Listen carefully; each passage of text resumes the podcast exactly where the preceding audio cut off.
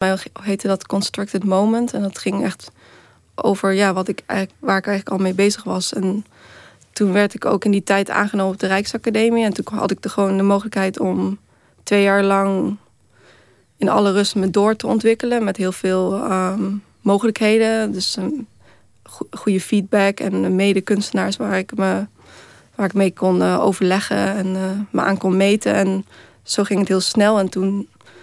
En de Rijksacademie bood ook elk jaar mogelijkheid uh, om je werk te laten zien tijdens de open studio's. En daar komen dan weer heel veel mensen op af. En dan... Maar je was 23. De meeste mensen die, die in aanmerking komen voor een plekje op die Rijksacademie, dan ben je zo 30 misschien of zo. Of, of 28 of 30, 35, 40. 23 is, is daar toch wel relatief aan de jonge kant.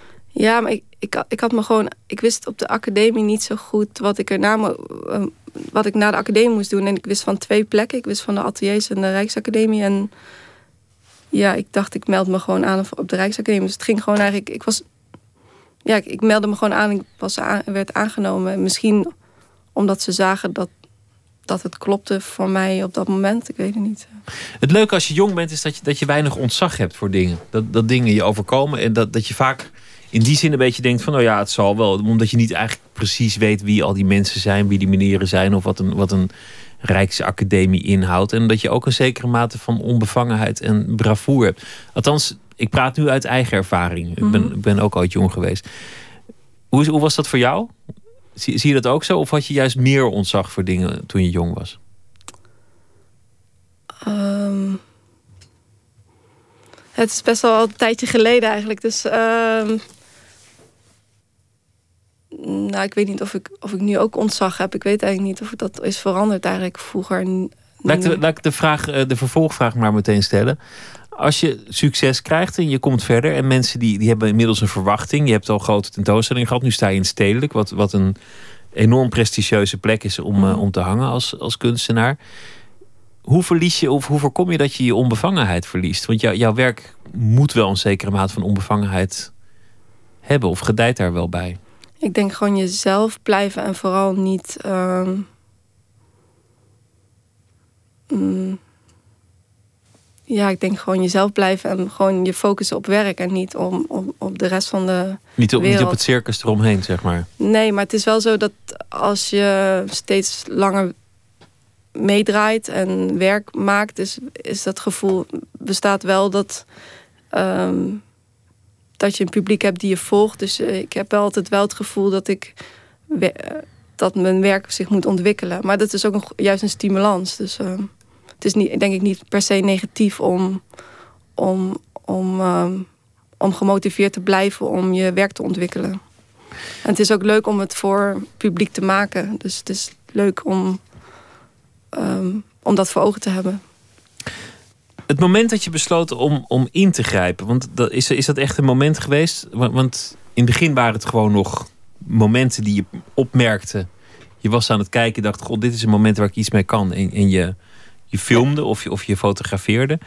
Toen kwam dat moment dat je zei: Goh, kunt u dat nog een keer doen? Of kunt u dit stapje vasthouden? Of nou, het, is een mij... beetje, het is eigenlijk een misverstand. Het eigenlijk was op de academie al al maakt het me niet uit. Ik heb in, in, op de je hebt altijd al ingegrepen in, ja, zekere zin. En in, in, in, in, in het begin presenteerde ik als, het, als een soort van gevonden momenten. Maar toen al, uh, maakt, ja, toen al vroeg ik uh, mensen soms iets overnieuw te doen. Dus, dus, maar ik heb er pas in... Ik, ik ben naar Japan geweest en in Japan heb ik er heel duidelijk een video over gemaakt van... Uh, het zijn eh, elf fragmenten waarin ik ehm, heel duidelijk laat zien hoe ik werk. Dat ik op mensen afstap en dat ik een conversatie heb. En dat ze daarop reageren. En dat heb ik als één werk laten zien. Dus ik geef dan heel erg bloot hoe ik werk. En Sindsdien denkt iedereen, oh ze, oh ze grijpt in, dit is een moment in haar oeuvre. Ja, dat was gewoon een moment waarom ik, uh, waarop het werkte dat ik die video maakte. En ook fotografie. En, en dat creëerde gewoon een, een mooie wisselwerking tussen Ehm, een gevonden moment en een geanceneerd moment. En, ehm, maar dat was er altijd al. Maar dat was gewoon een, een heel duidelijk videowerk. Waarvan mensen denken: oké, vanaf toen is het is dat zich door gaan ontwikkelen. Maar eigenlijk was het daarvoor al. Maar was op dat moment. Al. Ja. Laten we een voorbeeld nemen van een werk dat in stedelijk hangt. Anders, anders denkt iedereen: waar hebben ze het over? Ja. Um, je ziet een beeld van New York, een straat. Gewoon zoals New York is. Mensen hebben haast. Uh, mensen die uh, duwen elkaar nog net niet opzij, maar het scheelt weinig. Iedereen moet ergens naartoe. Iedereen is nou ja, met een flinke tred aan het doorstappen. En daartussen loopt één man, eerst gewoon. Hij loopt, een onopvallende man. En ineens gaat die man tergend langzaam lopen. Hij, hij loopt al vanaf het begin langzaam. Hij loopt vanaf het begin langzaam. Oké, maar dus op, op een ander beeld zien we hem heel snel lopen. Het, het, het werd geloopt, dus misschien keek ik in de verkeerde volgorde. Maar goed. Je ziet één man ontzettend langzaam lopen. Ja. Jij ziet dat. En vervolgens ga je op zoek naar die man. Je gaat achterhalen wie het is, waar die werkt. Dat, dat lijkt me al best moeilijk om erachter te komen wie die man is en, en hem te vinden. Hoe heb, hoe heb je dat gedaan? Nou, eigenlijk heel simpel. Want ik, uh, hij liep heel langzaam en ik heb hem, om, omdat het me deed denken Dat is makkelijk volgen. Ja, en hij deed me ook denken aan een uh, ander filmpje wat ik eerder had gemaakt. Dus dat, dat zorgde ervoor dat ik hem ging filmen. En ik volgde hem gewoon. En hij ging gewoon een gebouw binnen. En uh, ik zag gewoon dat hij daar werkte, want hij had zo'n badge.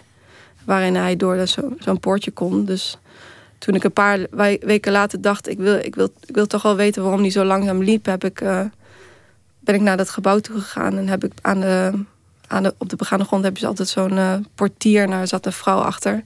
Uh, een desk en daar zat een vrouw achter. En uh, toen heb ik haar het filmmateriaal laten zien en gevraagd of, hij die, of zij die man kende.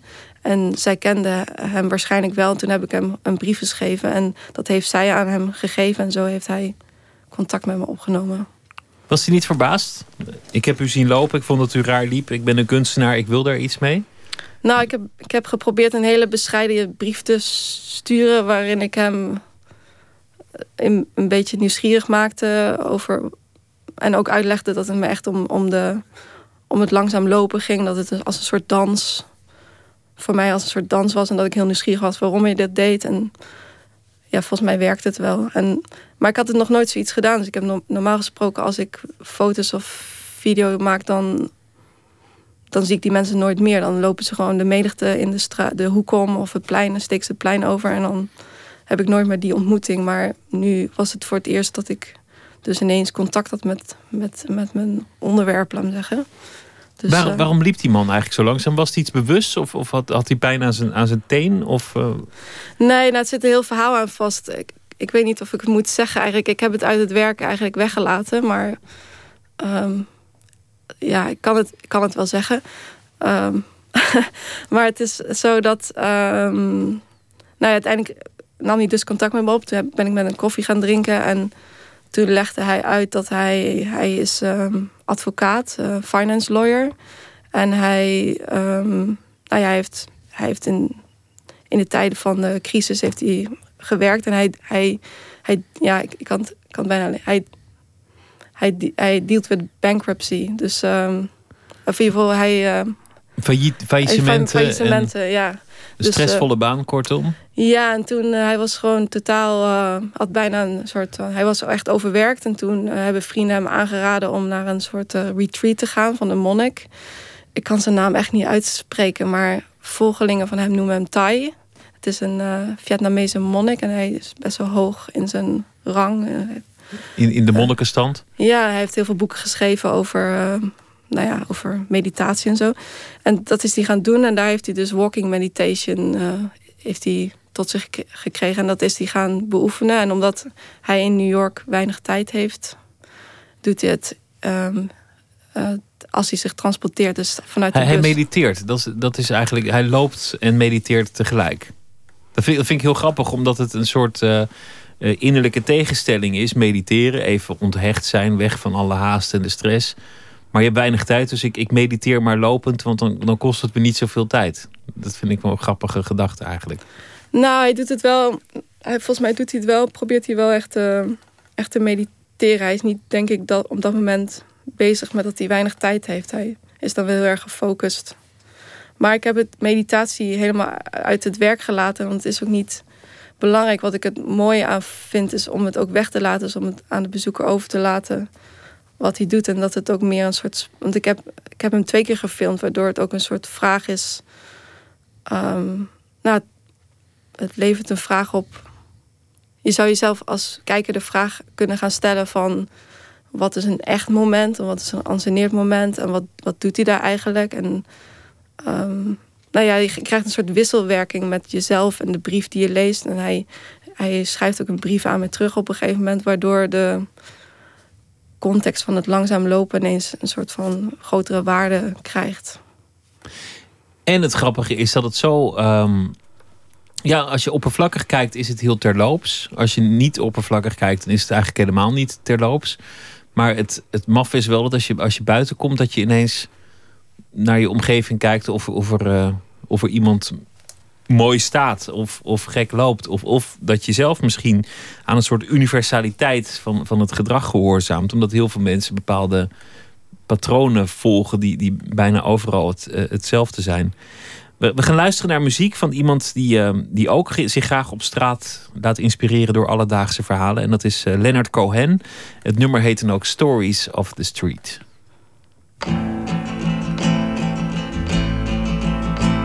The stories of the street are mine. The Spanish voices laugh. The Cadillacs go creeping now through the night and poison gas. And I lean from my windowsill in this old hotel I chose. Yes, one hand on my suicide,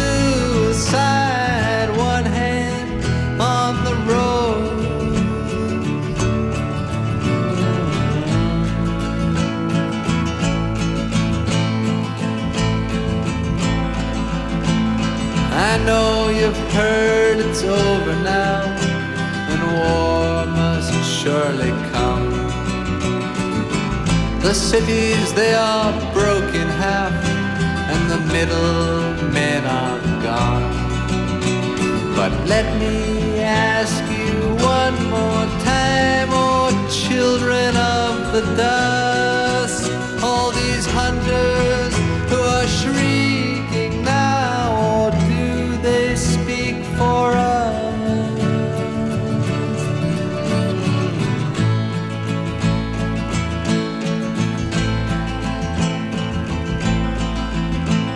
And where do all these highways go now that we are free? Why are the armies marching still that we're coming home to me? Oh, lady, with your legs so fine, oh, stranger at your wheel, you are locked into your suffering your pleasures are the seal.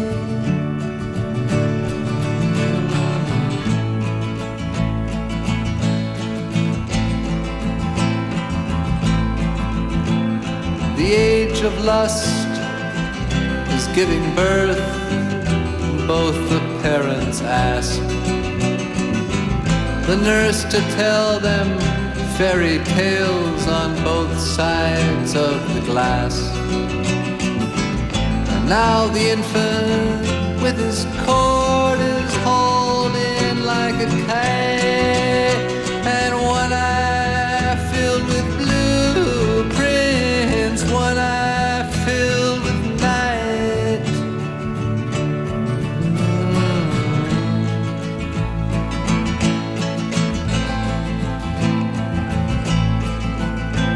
Oh, come with me, my little one.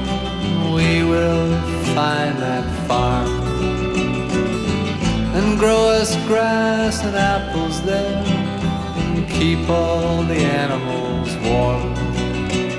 And if by chance I wake at night and I ask you who I am, or take me to the slaughterhouse, I will wait there with the lamb.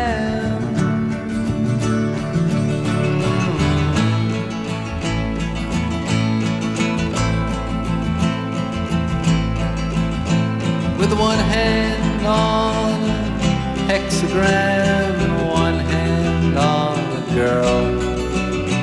I balance on a wishing well that all men call the world. We are so small between the stars, so large against the sky, and lost among the subway crowds. I try to catch your eye.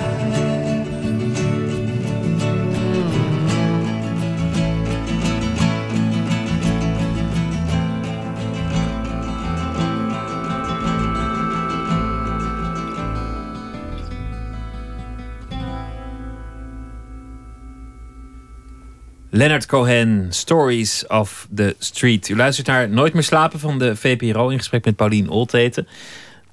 Mensen worden eigenlijk soms uh, objecten in, in, jouw, uh, in jouw werk.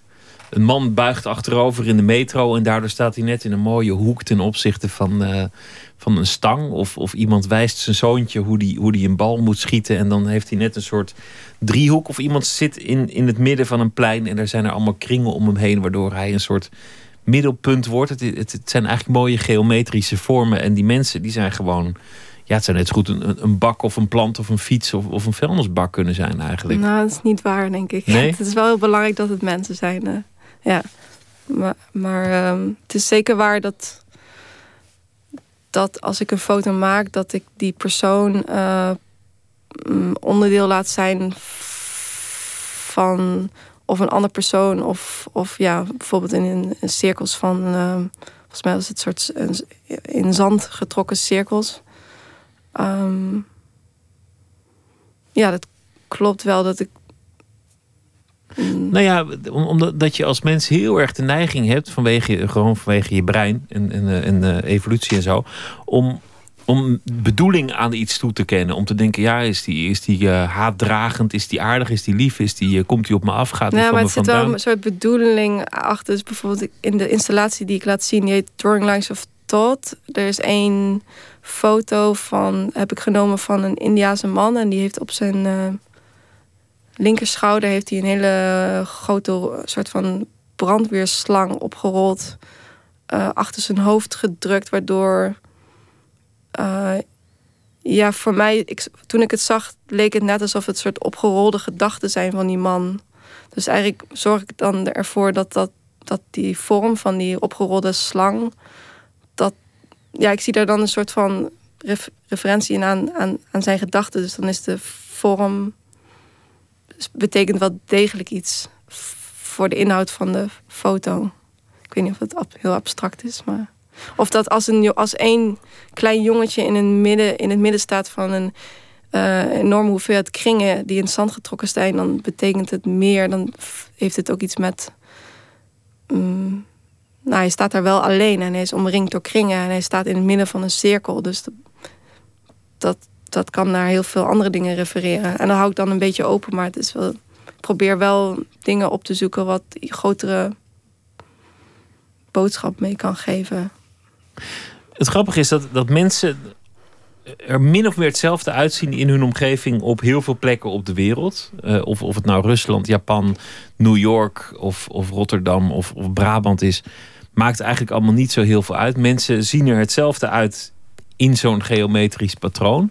En op dezelfde plek gedragen eigenlijk alle mensen zich hetzelfde. Zoals een soort olifantenpaadje. Vind ik ook zo mooi. In het park dat er dan een, een kortere route is langs het asfalt. En dat er dan in het gras een stuk uitge, uitgelopen is. Mm. Dat wordt dan eerst modder en dan wordt het hard. En, en iedereen neemt altijd dat olifantenpaadje. En die omgeving die maakt dat jij een bepaalde handeling eigenlijk gaat verrichten. Ja. Waardoor je eigenlijk een beetje ophoudt door die omgeving echt een individu te zijn op dat moment. Hmm.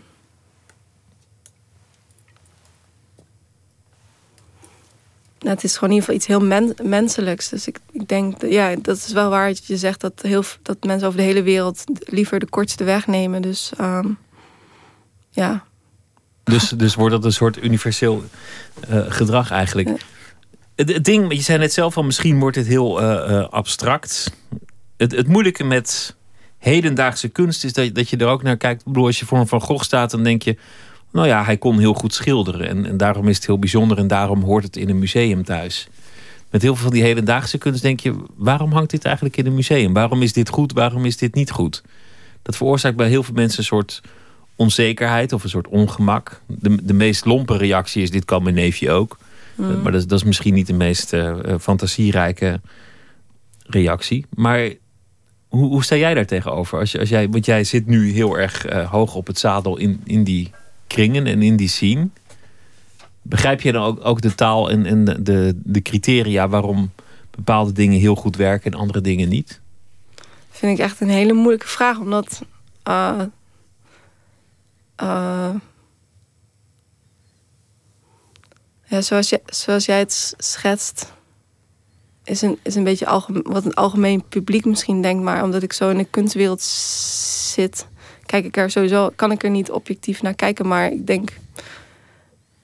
ehm, ja, ik vind het een lastige vraag. Het is, het, lastig. het is ook een lastige Last- vraag, denk ik. Ja. Het grappige is dat, dat, dat er wel consensus is in, in de kunstkennerskringen. Dat iedereen het erover eens is wat, wat goed is en wat niet goed is. Omdat dat, dat het helemaal geen discussie is voor de mensen die er heel erg in getraind en in bezig zijn. Of er heel erg in thuis zijn. Ja, maar misschien is dat meer iets een vraag voor degene die ons heeft samengebracht. Maar, ehm, nou ja, ik, ah, ja ik, ik vind het een lastige vraag eigenlijk. Want eh, Nou ja, op, op, op wie let jij? Want je, omdat je zo bezig bent, dat zei je helemaal aan het begin met, met het publiek van hoe zij reageren in de ruimte. Ze, ze worden een beetje eh, ontwricht. Iets, ze moeten bukken om, om de foto te zien. Dat is, dat is een effect wat jij ook echt nastreeft. ja, Dus je bent wel heel erg bezig met hoe dat publiek jouw werk ontvangt. ja, Daar hoort deze vraag denk ik ook een klein beetje bij, of niet? nou ja, wat ik, wat ik hoop is dat men. Ik, ik denk wel dat men, als mensen, mensen die niet zo. Ehm, niet zoveel bezig zijn met kunst en mijn werk eh, binnenwandelen in de, in de ruimte. Ehm, het, het, ehm, omdat mijn werk heel erg gaat over mensen, kunnen mensen zich heel snel verhouden tot. Want het is eigenlijk, ze kijken eigenlijk een beetje naar zichzelf. Of ze, ze zien bijvoorbeeld een, een jongetje in die middel van die cirkellijnen en ze kunnen zich misschien daarmee identificeren. Dus dat, dat eh, helpt er wel. En mijn, en mijn beelden zijn vrij duidelijk. Dus het, het vergt niet veel eh, toelichting om, om het beeld te begrijpen, denk ik. En, en soms schrijf ik ook tekst bij, waardoor mensen met mij in mijn hoofd kunnen meedenken. Dus ehm, dan ontstaat er een soort van beeldverhaal. Maar mensen moeten wel een, vooral voor die foto-installatie, moeten ze wel een soort associatieve geest hebben. Anders dan, eh, ja, dan hebben ze denk ik waarschijnlijk iets meer moeite om de verhaallijn te volgen. Want er zit wel degelijk een verhaallijn in, in die foto-installatie. Het mooie vond ik dat, dat het in bepaalde opzichten eigenlijk heel, heel klassiek is. Ik bedoel, het is gewoon, iedereen kent eh, de posters en, en, de, en de foto's van, eh, van Douaneau en, en Bresson. De, de, het meisje dat de jongen kust en die, die achterover helt. Of het jongetje dat rent met een stokbrood onder zijn arm. Het zijn Mhm. foto's die, die mensen van placemats en aanzichtkaarten kennen. En, en eigenlijk verschilt jouw werk niet zo heel veel van, van toen. Alleen het is heel erg van nu. Dat was toen en dit is nu. Maar in universele werking is het volgens mij past het wel in het genre. Nou ja, ik, doe, ik maak foto's op straat. Dus in- die zin kun je het wel heel erg koppelen aan straatfotografie. Alleen, ik denk dat ik het toch met, een, met mijn eigen bril eh, naar kijk. Of in ieder geval met mijn eigen bril om naar kijken. Dus ik, ik zet wel... Ja, ehm, het is wel echt. Misschien moeten mensen maar gewoon gaan kijken. Ja. Dus eh, dat En- lijkt me het beste. En ik wou nog zeggen dat het samen is met... Het is een, eigenlijk een duo-presentatie samen met Anouk Kruithof. En Anouk Kruithof benadert fotografie weer op een hele andere manier als ik. Maar we zijn beide... eh, gaan heel vrij om met het medium. Te zien in het eh, Stedelijk Museum vanaf niet dit weekend, maar het weekend erop. Pauline Olteten, dankjewel. Ja. En heel veel succes met de expositie. Ja. En straks is Nooit meer slapen terug met het eh, tweede uur. Ehm, en dan hebben we Thomas van Aalten en verslag van het boekenbal. En aandacht voor het nieuwe boek van journalist Igor Cornelissen. Graag tot zometeen.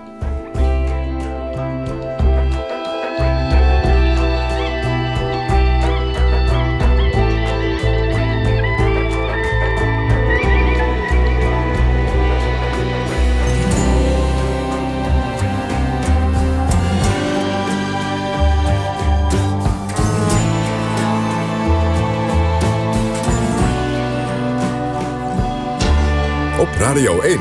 Het nieuws van alle kanten.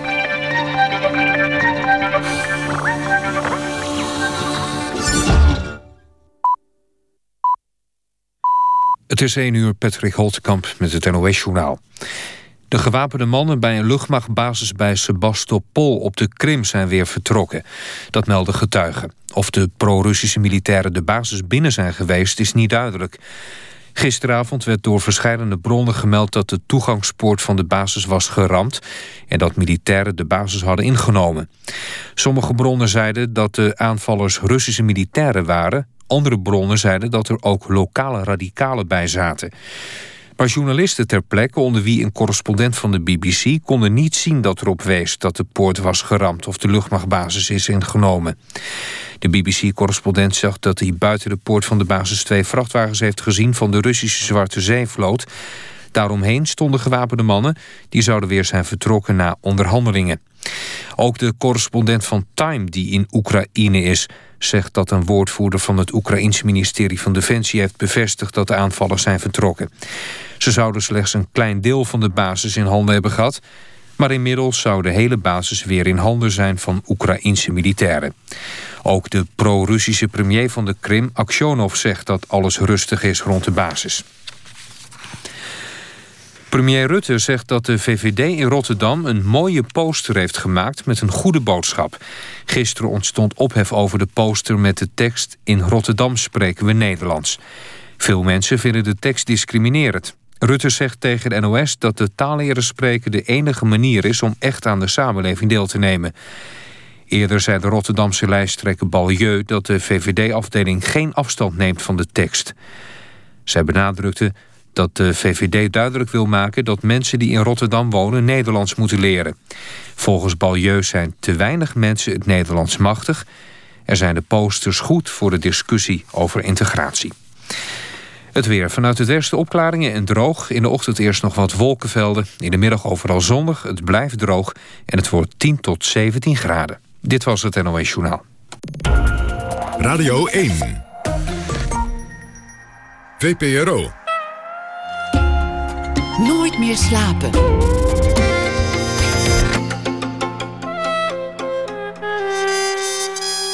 Met Pieter van der Wielen. U bent terug bij Nooit meer slapen, de VPRO, nog uh, één uur. We zitten op Twitter, VPRO-NMS. En u kunt mailen nooitmeerslapen.vpro.nl. In Amsterdam is het uh, boekenbal bezig op dit moment in de Schouwburg. Alle belangrijke mensen van Literair Nederland die zijn daar aanwezig. Zo ook Thomas van Aalten. En als het goed is, heb ik hem nu aan de telefoon. Goeienacht. Zeker, uh, Pieter. Is het je gelukt om, een, uh, om een rustig plekje te vinden op dat rumoerige boekenbal? Als jij nu niet uh, al te veel gekakel op de achtergrond hoort, dan, dan moet het volgens mij lukken. Ik hoor best veel gekakel op de achtergrond, maar ik heb de gedachte dat we het maar ermee moeten doen.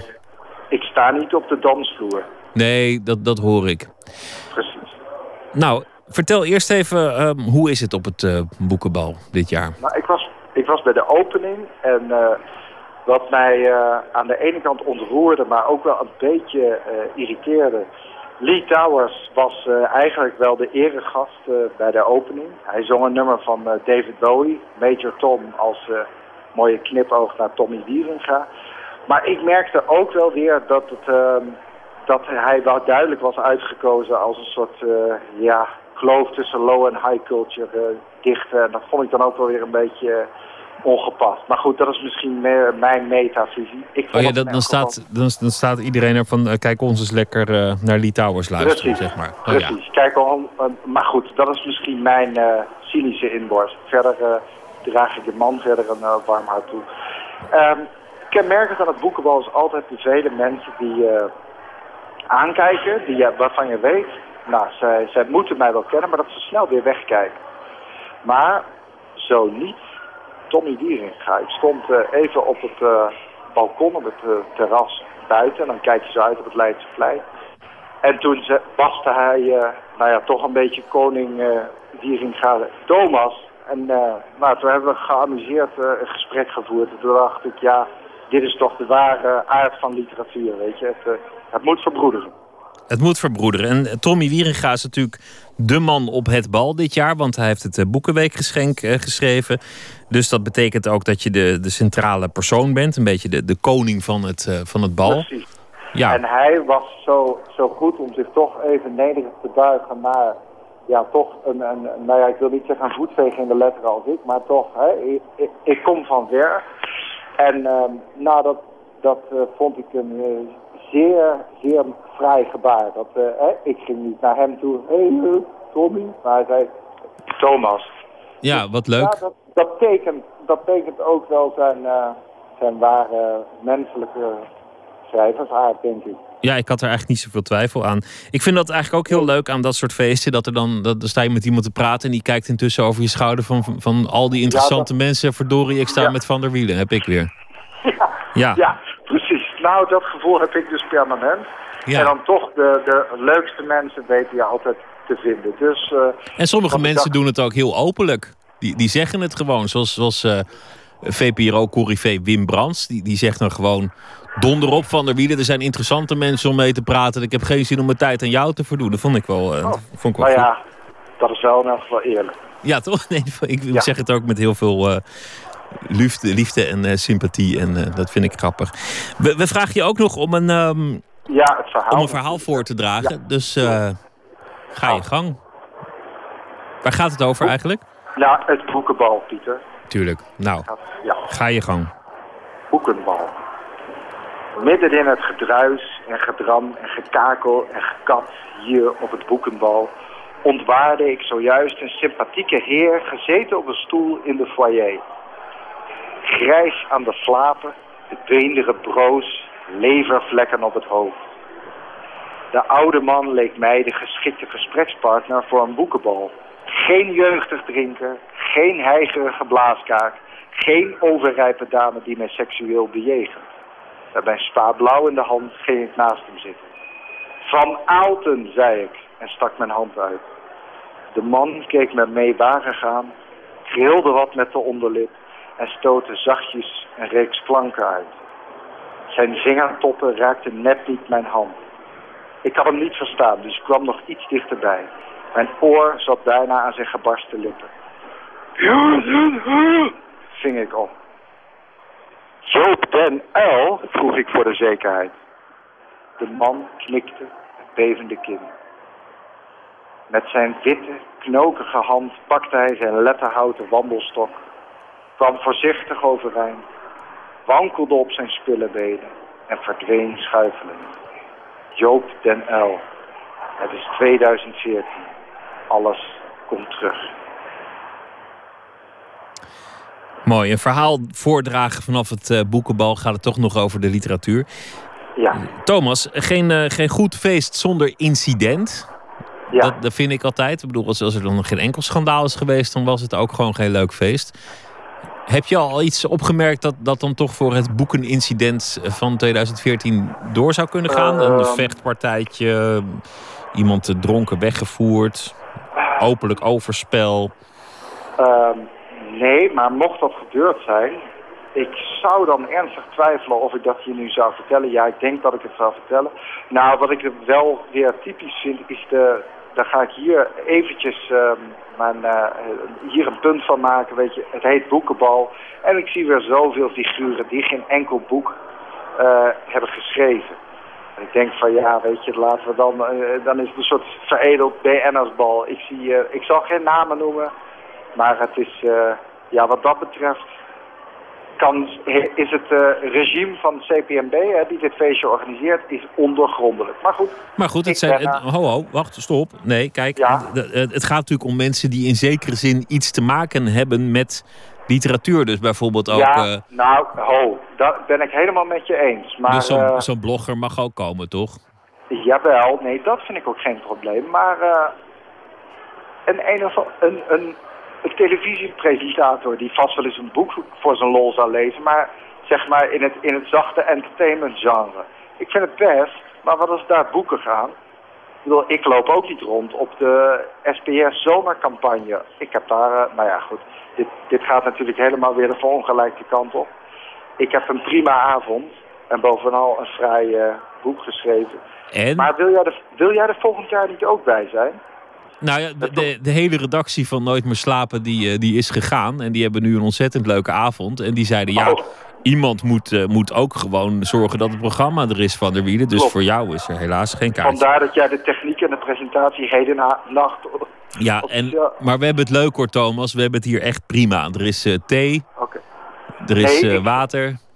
We kunnen afspreken, als, er, als je een moreel appel eh, op mij doet volgend jaar... stel er is weer een boekenbal... En Dan weet zegt- jij een plekje via de schoonmaker in de kast. Ja, nee, dan kom ik, eh, tenzij je daar niet op zit te wachten... maar dan zal ik jou eh, vergezellen in de studio. Als zo'n vervelende sidekick die je ook wel eens hoort op Radio 538. Hoe, wat zeg je daar dan van? Nou, Dan dat, dat, dat, vind ik, dat is nu al troost. Volgend jaar Ja, heb ik troost. Ja, Dan brengen we de literatuur naar de studio. geweldig. Dankjewel, Thomas. Ik wens je een hele goede nacht daar. En eh, nou, Heel erg bedankt. ik vind ook het leukste moment trouwens na afloop bij de Febo om de hoek. Als Toet Literair Nederland nog gaat nachtsnacken na het boekenbal. Dat is eigenlijk net zo glamorous Ja. als het boekenbal zelf. Een Misschien kan ik aanrader. daar nog wat foto's van maken en zal ik dat dan eh, bijvoorbeeld eh, twitteren. En dan de hashtag eh, VPRO nooit meer slapen. Dan eh, Ah, joh, heb, dat- ik- heb je toch een beetje de roddels. Dat getwitter altijd. Hè? Wat, Oh, ja. wat hebben we eraan? Ga gewoon genieten van je avond. Dankjewel Thomas Doei. van Aalten. Oké, bedankt. Dag. Fijne avond. De nieuwe cd van Elbow. Colorfields heet het nummer.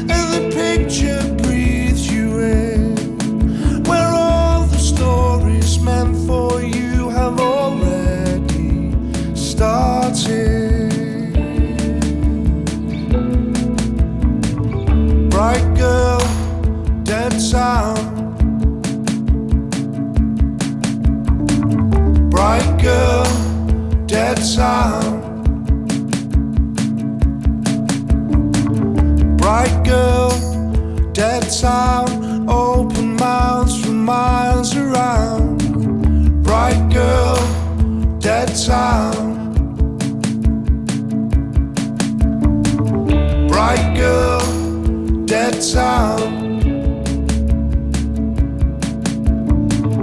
Bright girl, dead sound. Bright girl, dead sound. Open mouths for miles around. Bright girl, dead sound. Elbow heet eh, de band en het nummer heet Color Fields.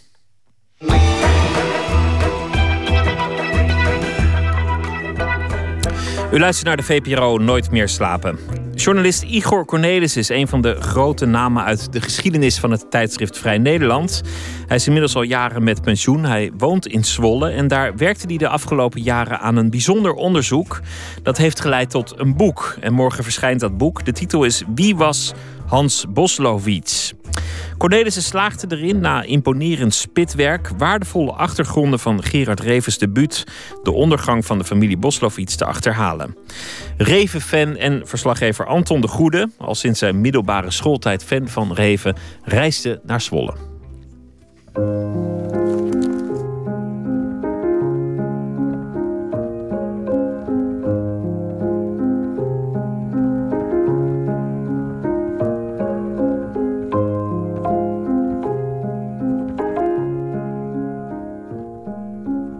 Proberen een impressie te geven van waar we hier zitten. Het is de werkkamer van Igor Cornelissen in zijn woonhuis te Zwolle. En dat betekent dat er mappen liggen, knipselmappen. Dat er een hele wand gevuld is met knipselmappen. Een soort archief wat je vroeger bij een tijdschrift had. Met ingebonden tijdschriften. Ik zie De Vlam, 1950. Wat voor een tijdschrift was dat? Links-socialistisch uh, blad tussen, zeg maar, tussen de Partij van de Arbeid en de communisten in. Je hebt een plekje voor mij vrijgemaakt waar bijvoorbeeld een stapel lag met boeken over Marinus van der Lubbe. Nico Jassis is een auteur. Boeken. Ik zie pijpen hangen. Proletariërs alle landen verenigt u, staat daar boven de pijpen. Ja, dat heb ik gekregen toen ik trouwde. Op mijn trouwdag van een van de opmakers van uh, Vrij Nederland. En die was, uh, hoe noem je dat, handbekwaam. Die maakte zelf dingen. Dus hij heeft die inscriptie proletariërs alle landen verenigd u heeft hij zelf gemaakt.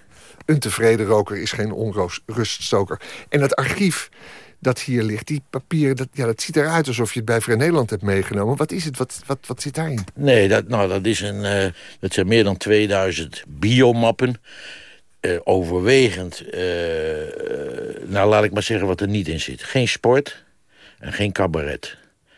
Geen klassieke muziek. Niet omdat ik daar niet van hou, maar onvoldoende van weet. Het zijn meestal uh, schrijvers, uh, politici, uh, vage mensen ook, vaak ter linkerzijde. fascisten zitten ertussen. Ja, daar heb ik in de loop van de afgelopen 50, 60 jaar over geknipt. Maar er zitten ook brieven in, soms foto's. En ja, dat is ontzettend makkelijk voor mij. Dan hoef ik niet naar, niet altijd naar Amsterdam naar het IISG bijvoorbeeld. Ja, nou, Instituut voor Sociale Geschiedenis, waar je heel veel geweest bent. Ja, ook voor dat boekje over, uh, over Boslowitz. Kijk, ik heb goede vrienden gehad, maar die hadden er geen bal verstand van. Die zeiden jaren geleden, al toen de computers begonnen... zeiden dat kun je allemaal weggooien. Kun je allemaal vinden op, uh, via de computer. Ja, dat is de gro grote misvatting. Je kunt niet alles vinden op een computer. Je kunt hooguit vinden dat er een archief is... Als je geluk hebt, vind je een inventarislijst. Dus ongeveer weet je wat er zit. Maar als je de, de, brieven wilt lezen, ja, dan zul je naar het archief moeten. In mijn geval naar Amsterdam, naar het Internationale Instituut voor Sociale Geschiedenis. Wat een schatkamer is.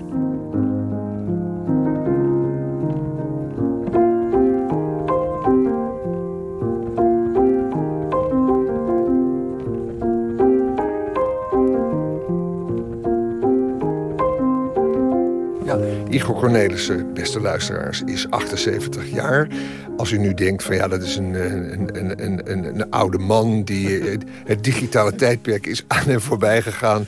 dan heeft u misschien een beetje gelijk. Maar hij heeft iets ontdekt wat nog nooit iemand ontdekt had. Dus alleen al daarom betuigen wij respect. En ook alleen al daarom zijn wij vandaag even bij hem op bezoek. En waar gaat het dan over? Om het verhaal uit 1947, als ik het goed heb... de ondergang van de familie Boslowitz... bijna het debuut van Gerard Reven. Even beginnen te zeggen wat voor een verhaal dat is, Igor. In het kort, in een paar zinnen. Waar gaat het over? het gaat over de ondergang uh, van familie Boslowitz... die in werkelijkheid anders heette. Ze heette Bobrovnitsky. Maar daar heb ik zelfs moeilijk, uh, moeilijk, moeilijkheden mee... met het goed uitspreken en opschrijven van die naam. Dus laten we Boslowitz maar aanhouden. Dat was een familie die bevriend was met de ouders van eh, Gerard en Karel van het Reven. En via die ouders komt Gerard daar eh, mee in contact. Uh, ontmoet ook de twee kinderen van de familie Boslowitz. En hij beschrijft uh, de ondergang op deze manier. Voor de oorlog zijn er al wel problemen in de familie. Een van de kinderen is geestelijk gehandicapt. Hè. Op, andere manier, op andere momenten vind je gewoon de term debiel of imbeciel. En de andere jongen, andere zoon is lastig. Een lastige, lastig opvoedbare jongen. Dus het gezin heeft al problemen genoeg... maar de echte problemen die komen in 1940 bij de bezetting door de Duitsers. Want het is een Joodse familie. En dat beschrijft uh, van het Reven niet van dag tot dag... maar bijna van week tot week wat dat voor die familie betekent. En hij speelt daar zelf ook een rol in omdat hij voor de familie... die bijvoorbeeld na acht uur s'avonds niet meer op straat mag... Eh, waarvan de telefoon is aangenomen. Hij doet boodschappen voor die familie. Dus hij raakt erbij betrokken. En het meestelijke aan het verhaal vind ik... dat je eerst ziet dat hij als jongetje zich verbaast over die mensen... andere familie, andere gewoonten... en later daar uh, van zijn jongensachtige uh, aanpak, blik op die zaak op die familie... verandert hij in een deelnemer en hij wordt als het ware in die oorlog betrokken. Eerst vond hij de oorlog prachtig. Hij hoopte, hij hoopte uh, ja, er zou eindelijk eens wat gebeuren. Hij heeft het over korte straatgevechten die hij prachtig zou vinden als dat gebeurt. Die zijn er niet geweest. Maar er is wel een bezetting gevolgd waar hij ook op andere manier uh, uh, ja, deelnemer wordt. Ja. Het loopt natuurlijk niet goed af met dat gezin die uh, we nu zullen noemen de familie Boslowitz... daar in de buurt van waar Reven opgroeide. En jij uh, had het net over je archief. Jij wist toen ik je belde te melden dat David Barnau... de man van het Instituut voor Oorlogsdocumentatie onlangs nog in Trouw zei... ik geloof dat het vorige week was... Ja, die man, nou ja, kijk, Barnau, eh, behalve dat een aardige man is... heeft ook ontzettend veel door zijn werk natuurlijk over de Tweede Wereldoorlog gelezen. Ongetwijfeld meer dan ik, nog meer dan ik. Maar hij wordt dan in Trouw gevraagd... ja, welke, welke, welk boek zou iedereen moeten lezen? En dan zegt Barnau, ja, dat is de donkere kamer van Damocles van eh, W.F. Hermans. En de ondergang van de familie Boslowitz. En hij zegt dan, je kunt 10.000 wetenschappelijke boeken over de oorlog schrijven... maar zo goed als dit kun je het nooit krijgen. nou ja, ik gebruik wat andere woorden. Eh, het is adembenemend, het is aangrijpend. En uh, ja, het grijpt je bij de strot. En toen ik de werkelijkheid reconstrueerde, werd dat niet minder. Het werd, het werd eigenlijk nog erger.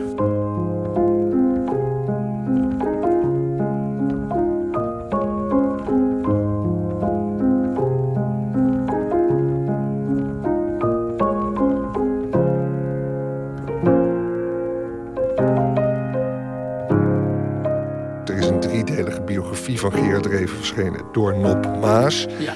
Uh, Gerard Reven is geen obscure schrijver. Sterker nog, wordt gezien als de beste schrijver van de vorige eeuw in Nederland. En dan komt Igor Cornelissen op zijn 78ste in 2014. De schrijver is al dood en lang begraven. Met een onthulling, met, een, een, een, met iets prachtigs over dat boek. Nou zeg ik iets prachtigs, maar ik wil eerst van jou horen... van wat eigenlijk de beweegreden is voor jou om belangstelling te hebben... voor de achtergronden bij dit verhaal. Want je kan met evenveel waarde toch ook zeggen... ja, wat maakt het eigenlijk uit hoe het nou precies in de werkelijkheid gezeten heeft? Dat verhaal is prachtig. En de fictie en de werkelijkheid zijn nu eenmaal twee dingen. Dus waarom zou je nou gaan vroeten in de realiteit? Ja, dat geldt, maar dat geldt natuurlijk voor iedere, ieder biogra iedere biografie... of iedere biografische aanpak. Uh, waarom de achtergronden als het verhaal zelf al zo, zo adembenemend is. Nou kijk, eigenlijk bij alles wat ik schrijf... Uh, doe ik dingen die een ander niet doet. Die, ik, zou, ik zou niet... Een, ik, heb niet de behoefte om een biografie, vroeger ook niet van Vestdijk te schrijven. Er zijn toch anderen al die dat doen. Dus ik wil het liefst dingen doen waarvan ik bijna zeker weet dat een ander het niet doet. Ik was wel even in spanning wat Nop Maas zou hebben... over de familie Boslowitz. Daar had hij heel weinig over. Het toegegeven moet worden dat hij de eerste was, die, eerste was die de naam correct spelde... van Bob Brovnitsky. en hij gaf ook aan dat de man eh, textielhandelaar was. Maar veel meer wist hij niet. Maar het interesseerde hem ook niet veel. En mij wel, want ja, ik heb een uh, voorkeur... of uh, wat is dat, hoe noem je dat, specialisme... is nou eenmaal die linkse arbeidersbeweging... en dan nog een beetje de extreme... en dan vooral die communistische beweging van voor de oorlog... die natuurlijk al lang verdwenen is... en waar ook geen resten meer van zijn die intrigeerde mij. Hoe hebben die mensen geleefd? Wat dachten ze? Wat vonden ze? Ik vond één aanwijzing in het verhaal van Van het Reven... dat overigens apolitiek is. Er wordt niet over politiek gesproken. Eén aanwijzing wist ik dat ik gelijk had toen ik dacht... die Boslowitz moet ook uit het communistische milieu stammen. En dat is namelijk als de moeder van de twee jongens... mevrouw Boslowitz verheugd komt... het moet 1938, 39 zijn, heb ik geconstrueerd... dat er voor dat jongetje dat dus achterlijk is... er genezing is. Hij gaat naar Rusland. Naar Rusland. En zoals Karel en Gerard allebei hebben beschreven... ja, er was maar één soort één groep gelovigen die meenden dat de medische wetenschap in de Sovjet-Unie eh, onovertrefbaar was. En dat waren de communisten. Iedere zieke hoopte een keer... die zou zeker genezen in de Sovjet-Unie. En dat vind ik hier dus ook. Hij gaat naar Rusland. En toen dacht je, het moeten communisten geweest zijn. Het moet communisten. Dus ik ben gaan zoeken in dat communistische milieu. Lijsten gemaakt van mensen uit de kring van, van het Reven senior die uh, journalist is, was geweest bij het communistische dagblad De Tribune. En toen vond ik na veel zoeken inderdaad in dat milieu... een paar keer de naam van Boslowitz, onder zijn echte naam. En hij was ook voor de oorlog twee keer gesignaleerd... door de toenmalige uh, Nederlandse geheime dienst... die extremisten in de gaten hield... als een vooraanstaand communist die niet op de voorgrond trad. Nou is dat vrij, uh, vrij voor de hand liggend, want de man was vanaf 1927 uh, eh, ziek. Althans, aantoonbaar ziek. Hij kon niet meer lopen, dus hij was ook in zijn werk was hij, niet te handhaven. Reven beschrijft dat deze invalide man eigenlijk niet wordt gedeporteerd in eerste instantie. Eigenlijk uitsluitend omdat hij invalide is. De rest van het gezin verdwijnt wel. En hij pleegt uiteindelijk ziek en invalide zelfmoord. Dat is de strekking van het verhaal. En hij wordt dan door de mensen die hem vinden... in, in, de, in de Amstel in, nou, neer... In een gracht. In een gracht. We weten, ik weet niet precies waar, maar hij wordt... want zijn onderduikadres waar hij het laatste zat... en waar hij slaappillen had gespaard... en dus een handvol heeft ingenomen dat laatste adres, dat heb ik niet kunnen reconstrueren waar dat is. En bovendien, er zijn geen overlevenden meer uit die tijd. Ik heb wel gevonden wie de... Ik heb uitgevonden wie de verpleegster was... die hem op het laatst verzorgde... en die ook jaren later aangifte heeft gedaan... bij de gemeente Amsterdam van het overlijden van die man. Ik heb ook uitgevonden waarom zij zoveel jaren na de oorlog pas aangifte heeft gedaan. Kortom, een heleboel mysteries of, of, vraagtekens die bij mij bovenkwamen... ja, die heb ik kunnen beantwoorden, maar niet alles. Nee. En uh, ja, voor zover je de vraag niet beantwoord hebt... van wat is nou eigenlijk het nut hiervan... ja, je hoeft het maar te lezen, die studie, en het is adembenemend. En zo goed als de knikkers van Anne Frank eigenlijk een verhaal vertellen... waar we vorige maand mee geconfronteerd werden... vertelt dit eigenlijk nog veel meer een verhaal. Je ziet nu een foto van de man, je ziet waar hij gewoond heeft... En daar was dus kennelijk een pensionado voor nodig om dit te vinden. Is dat eigenlijk niet zorgwekkend dat jij met je archief hier... en met je naspeuringskwaliteit, ja, die zijn natuurlijk geweldig... maar dat zonder jou was dit nooit gevonden hebben journalisten daar nu geen tijd meer voor? Nou ja, Hoe kan dat? Ja, dat is vroeger ook niet. Maar, maar ik trouwens, toen ik geen pensionado was... schreef ik ook boeken en dan ging ik ook voor naar instituten. Nou ja, dan werk je de rest van de week wat harder. En dan, ik heb nu wel meer tijd. Dat geef ik toe. Als je, als je niet meer voor een baas hoeft te werken, heb je meer tijd. Maar ik denk ook dat een beetje de belangstelling... voor, voor dit soort uitzoekwerk dat dat verminderd is. Men wil, men wil scoren op korte termijn, wil men successen hebben. Eigenlijk bij voorbaat wil men al weten dat het een, eh, een bestseller wordt. Ja, zo heb ik nooit gewerkt. Daar heb ik, dat interesseert mij helemaal niet. Het is dat ik het wilde weten. Mag ik je vragen om de laatste opmerking... de laatste woorden van je boek over Hans Boslowitz voor te lezen? Ja, ik, ik besluit het boekje met uh, Al, Alfons Boborovnitsky... Venlo 1893, Amsterdam 1943... Tahé Nafsho Tserura Bitzroor Hachayim. En dat betekent, vertaald in het Nederlands... mogen zijn ziel gebundeld worden in de bundel van het eeuwige leven.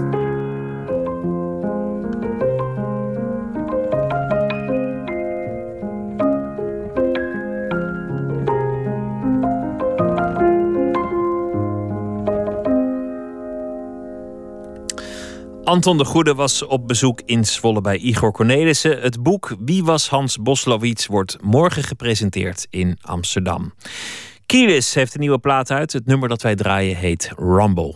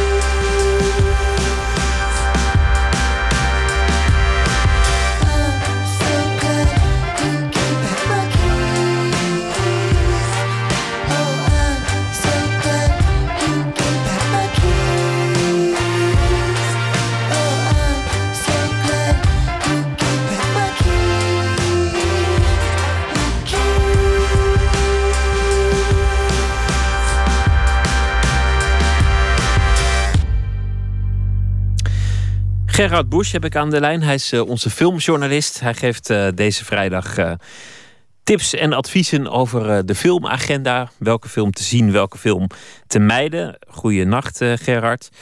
Goeienacht. Het was toch nog de, de week van de Oscar-uitreikingen ehm, afgelopen week. Dat heb jij natuurlijk uitgebreid gevolgd. Heeft nog iets jou verbaasd eigenlijk bij die, bij die Oscars? eerlijk gezegd niet ik, ik heb er voor de VPRO gezien, maar tv heb ik zo'n zo'n zo'n voorspelling gedaan. En ik vrees dat ik ze allemaal goed had. En de, ja, dat betekent dus dat ze heel voorspelbaar waren. Ik bedoel, is niet dat ik eh, heel goed eh, in de toekomst kan kijken, maar de, de Oscars gingen een beetje naar de mensen naar wie we het hadden verwacht en naar de films waar we het hadden van verwacht. En dat is eigenlijk niet leuk.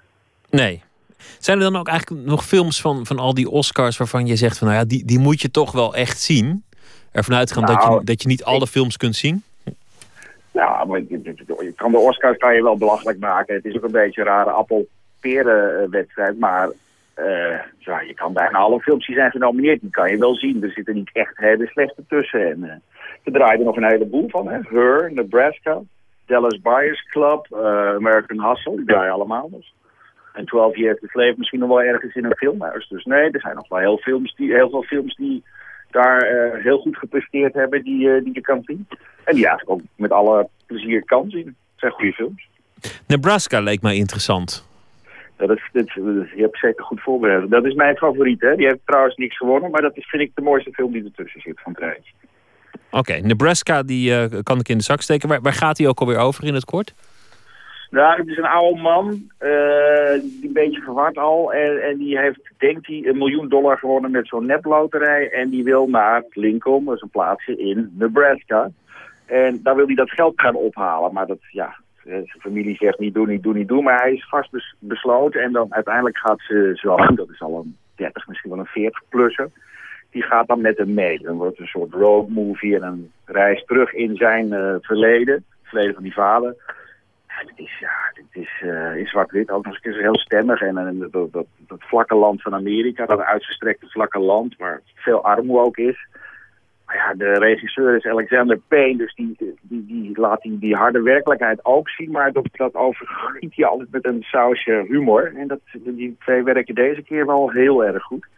Het is, eh, mag ik toch best wel zeggen, een meesterwerkje. Nebraska, die, eh, die is te zien.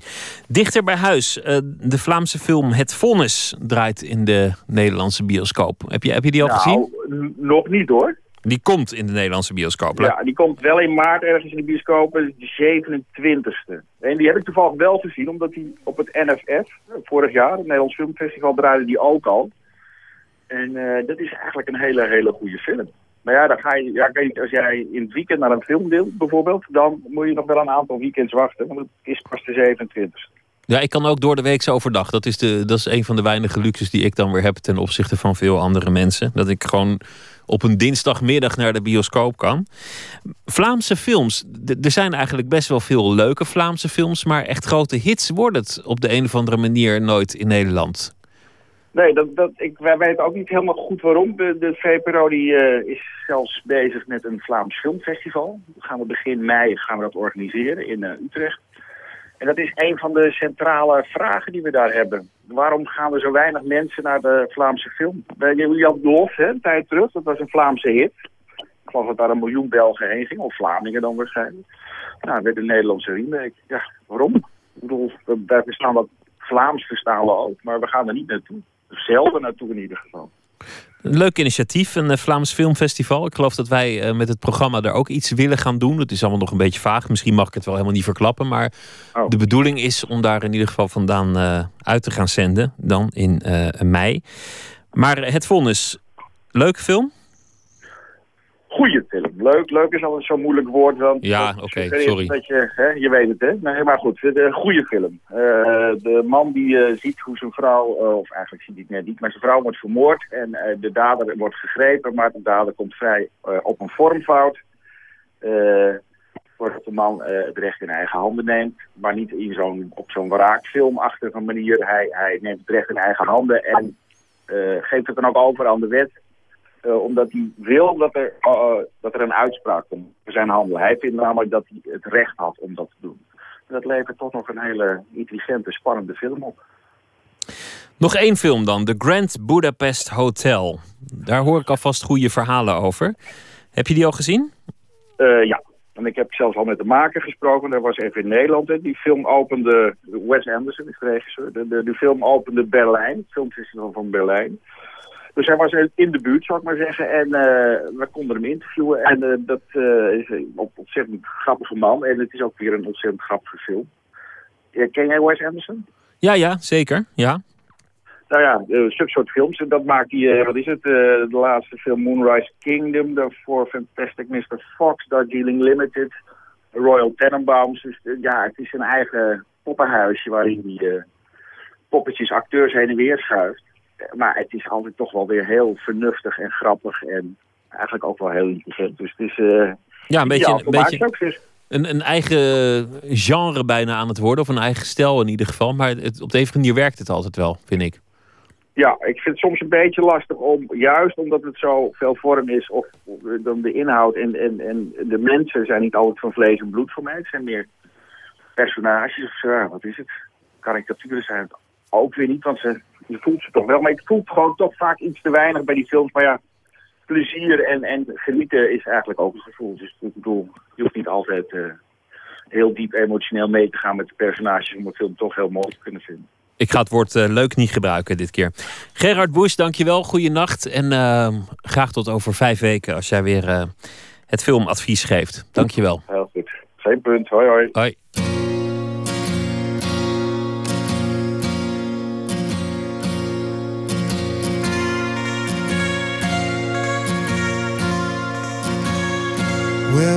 Sometimes have my doubts, but I cannot live without in my soul. In my soul,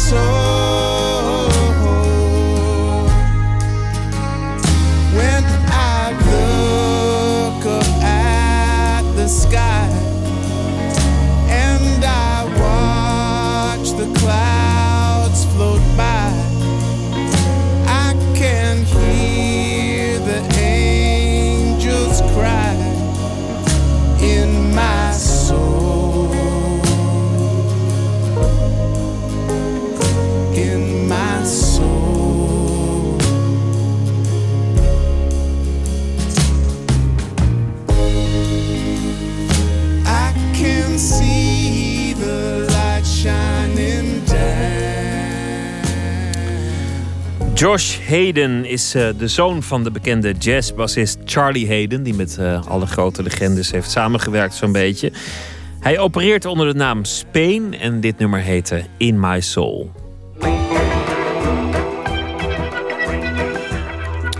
U luistert naar de VPRO Nooit meer slapen. Vivianne Sasse is een internationaal toonaangevende mode- en een autonoom fotograaf. Het ene deel van het jaar fotografeert ze grote modeshows van bekende ontwerpers als Stella McCartney en Louis Vuitton en Missoni.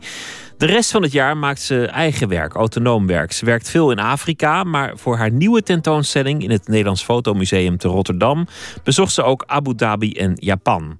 De titel van de tentoonstelling is Umbra en onze verslaggever Tjitske Mussen sprak Vivianne Sassen vanmiddag tijdens de laatste voorbereidingen.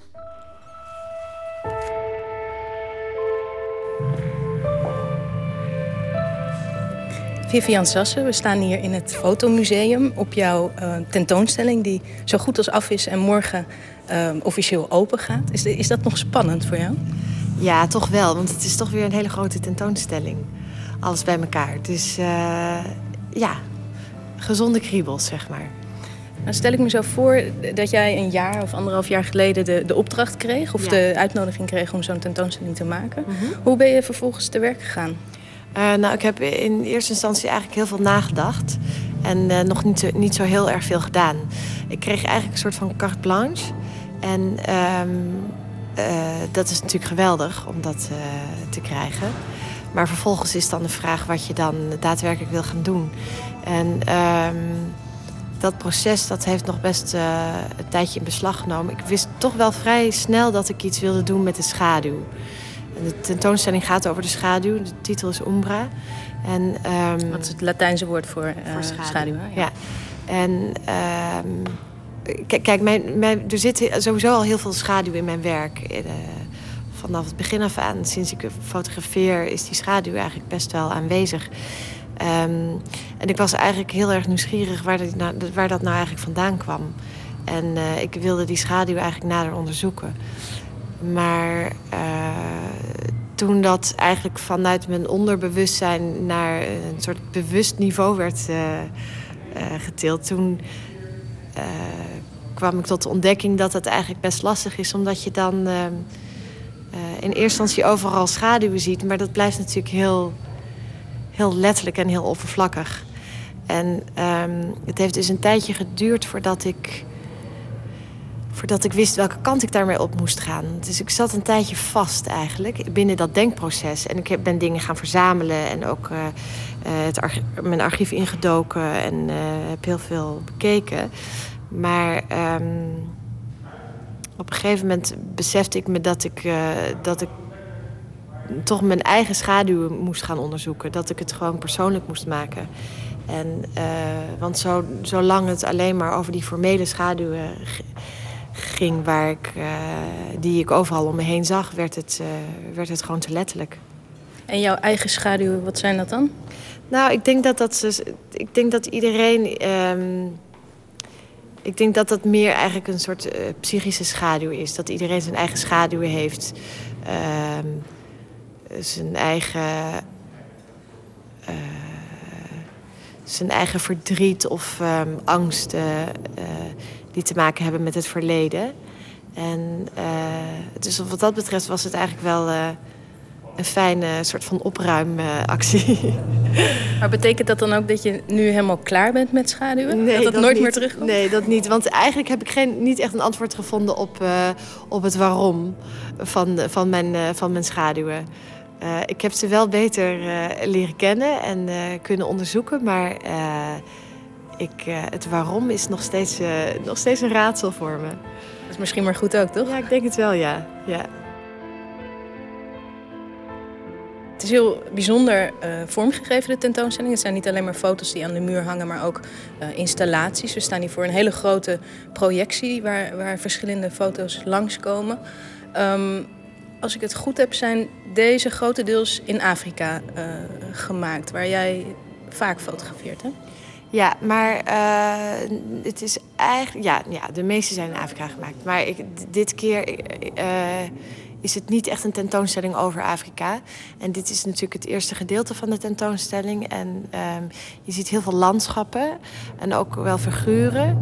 Maar... Um, het is niet meteen duidelijk dat het, uh, dat het Afrika is. Ik heb ook bijvoorbeeld in uh, Abu Dhabi gefotografeerd en uh, in Japan. Dus het, um, wat dat betreft is het wel iets, iets breder. Gaat het niet echt over het continent Afrika. Maar als je dan op zoek gaat, of je gaat bijvoorbeeld naar Japan om te fotograferen, waar, waar ga je dan naar op zoek? Of wat, waarom Japan? Nou, dat was eigenlijk meer een, een fijne bijkomstigheid eh, van, een, eh, van een opdracht die ik daar had. Maar in Abu Dhabi ben ik, eh, ben ik wel echt specifiek op zoek gegaan naar schaduwen. En ehm, daar ben ik heen gegaan om aan dit project te werken. En het was eigenlijk ook om, eh, om mezelf uit te dagen om weer eh, in een nieuwe omgeving te fotograferen. Dat ik inmiddels zo ja, eigenlijk bekend ben met Afrika. En daar eh, ligt een gedeelte van mijn, mijn, mijn achtergrond. Omdat ik daar eh, als kind heb gewoond. Dus die affiniteit die, die is heel sterk met Afrika. En ik vroeg me af wat er zou gebeuren eh, als ik in een heel ander continent zou gaan fotograferen. En waar ik dan mee thuis zou komen. En ik wilde me graag mezelf uitdagen binnen deze opdracht eh, om nieuwe dingen uit te proberen. Dus in die zin ehm, is dat wel gelukt. En ehm, eh, ja, ben ik wel weer tot nieuwe beelden gekomen, geloof ik. En als we, ja, de beelden gaan best snel voorbij, dus het is lastig om, om, om er nu op eentje in te zoomen. Ehm, maar in hoeverre eh, ja, bedenk je van tevoren van dit is het beeld dat ik wil hebben, dit anseneer ik zo, of is het toevallig wat er voorbij komt? Nou, het is een combinatie. Sommige beelden die, eh, die heb ik in mijn hoofd of daar word ik 's ochtends mee wakker. En ehm, eh, die, daar maak ik dan een tekeningetje van of een, idee dat ik eh, in een schetsboek uitwerk of, ehm, of, of opschrijf. Ehm, ik, want ik werk altijd met een schetsboek wat, ik, wat ik meeneem. En, dus dat is één manier waarop beelden eh, tot stand komen. Maar de andere, en dit is eigenlijk nog wel de belangrijkste, is ehm, eh, door te experimenteren gewoon op, op de locatie. En me eh, ja, te laten verwo- verwonderen door, ehm, eh, door wat ik tegenkom. Dus in, dat, in, in die zin is het eigenlijk een heel erg intuïtief proces. En is het meer zo dat ik, ehm, eh, ja, dat ik me daardoor laat leiden. Volgende ruimte zijn we nu, eh, larva. Larve, ja, dat is eh, het eigenlijk het Latijns meervoud voor larve. En het is een verzameling foto's. Er zit ook wat ouder werk bij, wat ik eigenlijk al best lang geleden heb gemaakt. Je ziet veel naakt. En ehm, voor mij gaat, dit, gaat deze installatie ook een beetje over het verleden of over mijn eigen verleden. Omdat er zoveel beelden in zitten die ik, eh, die ik heb gemaakt toen ik nog op de academie zat. En ehm, wat eigenlijk voor mij het uitgangspunt was, het idee van het archetype van de schaduw, zoals eh, Carl Jung dat eh, heeft verwoord in zijn typologie. De schaduw is eigenlijk datgene binnen onze, of in onze psyche wat we willen verstoppen en wat we willen verhullen. Dus de dingen waar we eigenlijk bang voor zijn of waar- we ons voor schamen. Is dit een, een, een, schaduwkant van jou? Bedoel je dat? Nou, dat was het. Daarom is het ook. Het, het is eigenlijk ehm, vrij oud werk. En ik denk dat ik toen ik puber was of, of eh, toen ik net op de academie zat, eh, dat ik nog heel erg bezig was met het ontdekken van mijn eigen lichaam en voor het eerst vriendjes. En eh, eh, ik ging toen ook zelf modellenwerk doen en merkte dat dus mijn lijf werd ingezet op een op een bepaalde manier. En dat het vaak de male gaze was. De, De blik van de man De die, blik van de die man, ja. vrouw inneemt. ja. en dat, dat, daar, daar stoorde ik me aan. En tegelijkertijd was het ook een soort van eh, eh, periode van zelfontdekking. En ehm, eh, verwarring, denk ik. Dus in die zin is het eigenlijk een, een verzameling beelden die eigenlijk voor mij meer teruggrijpt op het, op het verleden. Maar is de tentoonstelling zo ook opgebouwd dat je verschillende ehm, gedeeltes uit je verleden laat zien? Of dat het echt een, een soort van biografie, nou, biografie Nou ja, eigenlijk is het wel een soort autobiografie, ja. ja. Maar ik denk dat eigenlijk alle kunstenaars in zeker opzichten een soort zelfportretten maken. Als we nou doorlopen naar de ruimte, ehm, wat geloof ik ook nieuw werk is van jou, Ja. dan is dat heel abstract. Of dat zijn, geen, eh, dat zijn bijna geen foto's meer. Dit eh, zijn beelden van ehm, eigenlijk hele abstracte vlakken, vierkanten. Ehm, en als je goed kijkt, dan zie je dat het, eh, dat het een spiegel is. Een rechthoekige spiegel. Die, Oh, dat had ik niet zo eh, Die in het zand Oh, staat. ja, ja, ja. Het zand is heel oranje, want het, ik heb het gefotografeerd in Namibië, in, de, in een woestijn, een hele rode woestijn. En eh, je ziet dus hier bijvoorbeeld een spiegel en de schaduw van de spiegel. En daaroverheen ligt een schaduw van een eh, gekleurd vlak, perspex. En je ziet een hand, de schaduw van een hand. Als het geheel een autobiografie is, hoe moet ik dit dan zien? Of hoe...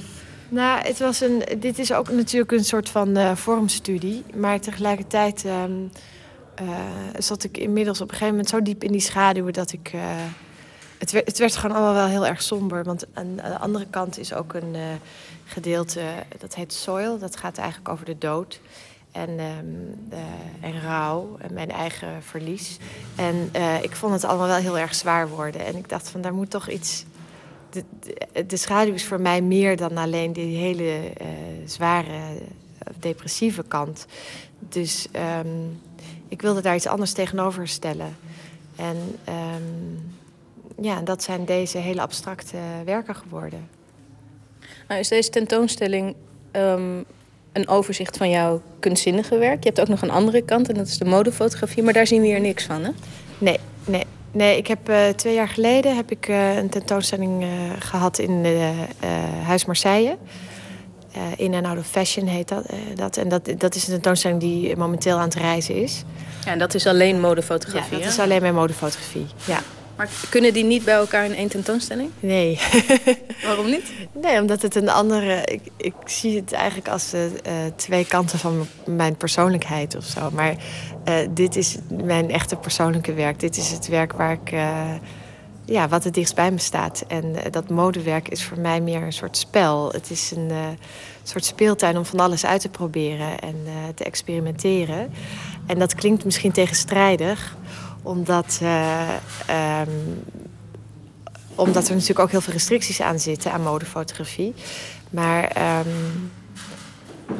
ja, ik, ik, ik hou van de, van de snelheid en de, en de creativiteit en het werken met een grote crews. En eh, eh, dat brengt weer een hele andere energie met zich mee.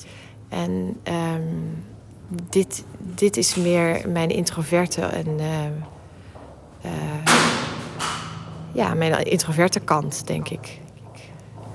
Eh, eh, mijn veel persoonlijkere kant. En dat eh, is ook wel eens lekker om, om daaraan te werken.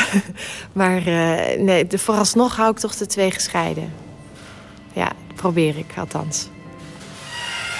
Waar ben je nu mee bezig? Nee, ik heb eigenlijk helemaal nog niks gepland. Dit is echt. Dit is het einde.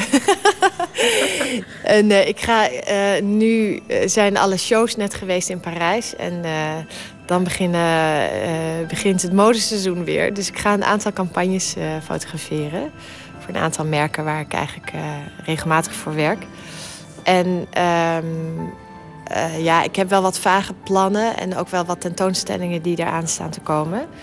Maar ehm, eh, verder eh, even, even rust. Ja. Je bent echt super divers, hè? Je doet eigenlijk zoveel verschillende dingen. Ja, maar ik denk ook van waarom zou ik mezelf beperken? Want het is allemaal te leuk en te spannend. En eh, ik, ik vind het gewoon niets geweldiger dan fotograferen. Daar word ik gewoon zo gelukkig van. En het is alsof ik. ehm, ik denk dat, dat muzici dat hebben als, ehm, eh, als ze muziek aan het maken zijn. Dat ze zichzelf vergeten en, en alles om zich heen vergeten. En dat heb ik als ik, eh, als ik aan het fotograferen ben. Dat is echt totale tunnel vision. Dan, eh, ja. ja, daar moet ik wel eens uitgetrokken worden. Maar ja. Nou, hopelijk niet te vaak. Dan kunnen we nog eh, genieten van je foto's. Dankjewel. Dank je. De tentoonstelling Umbra wordt morgen officieel geopend en is dan te zien in het Nederlands Fotomuseum in Rotterdam. Dit was Nooit meer slapen voor eh, deze nacht. Maandag na 12 zijn we er weer.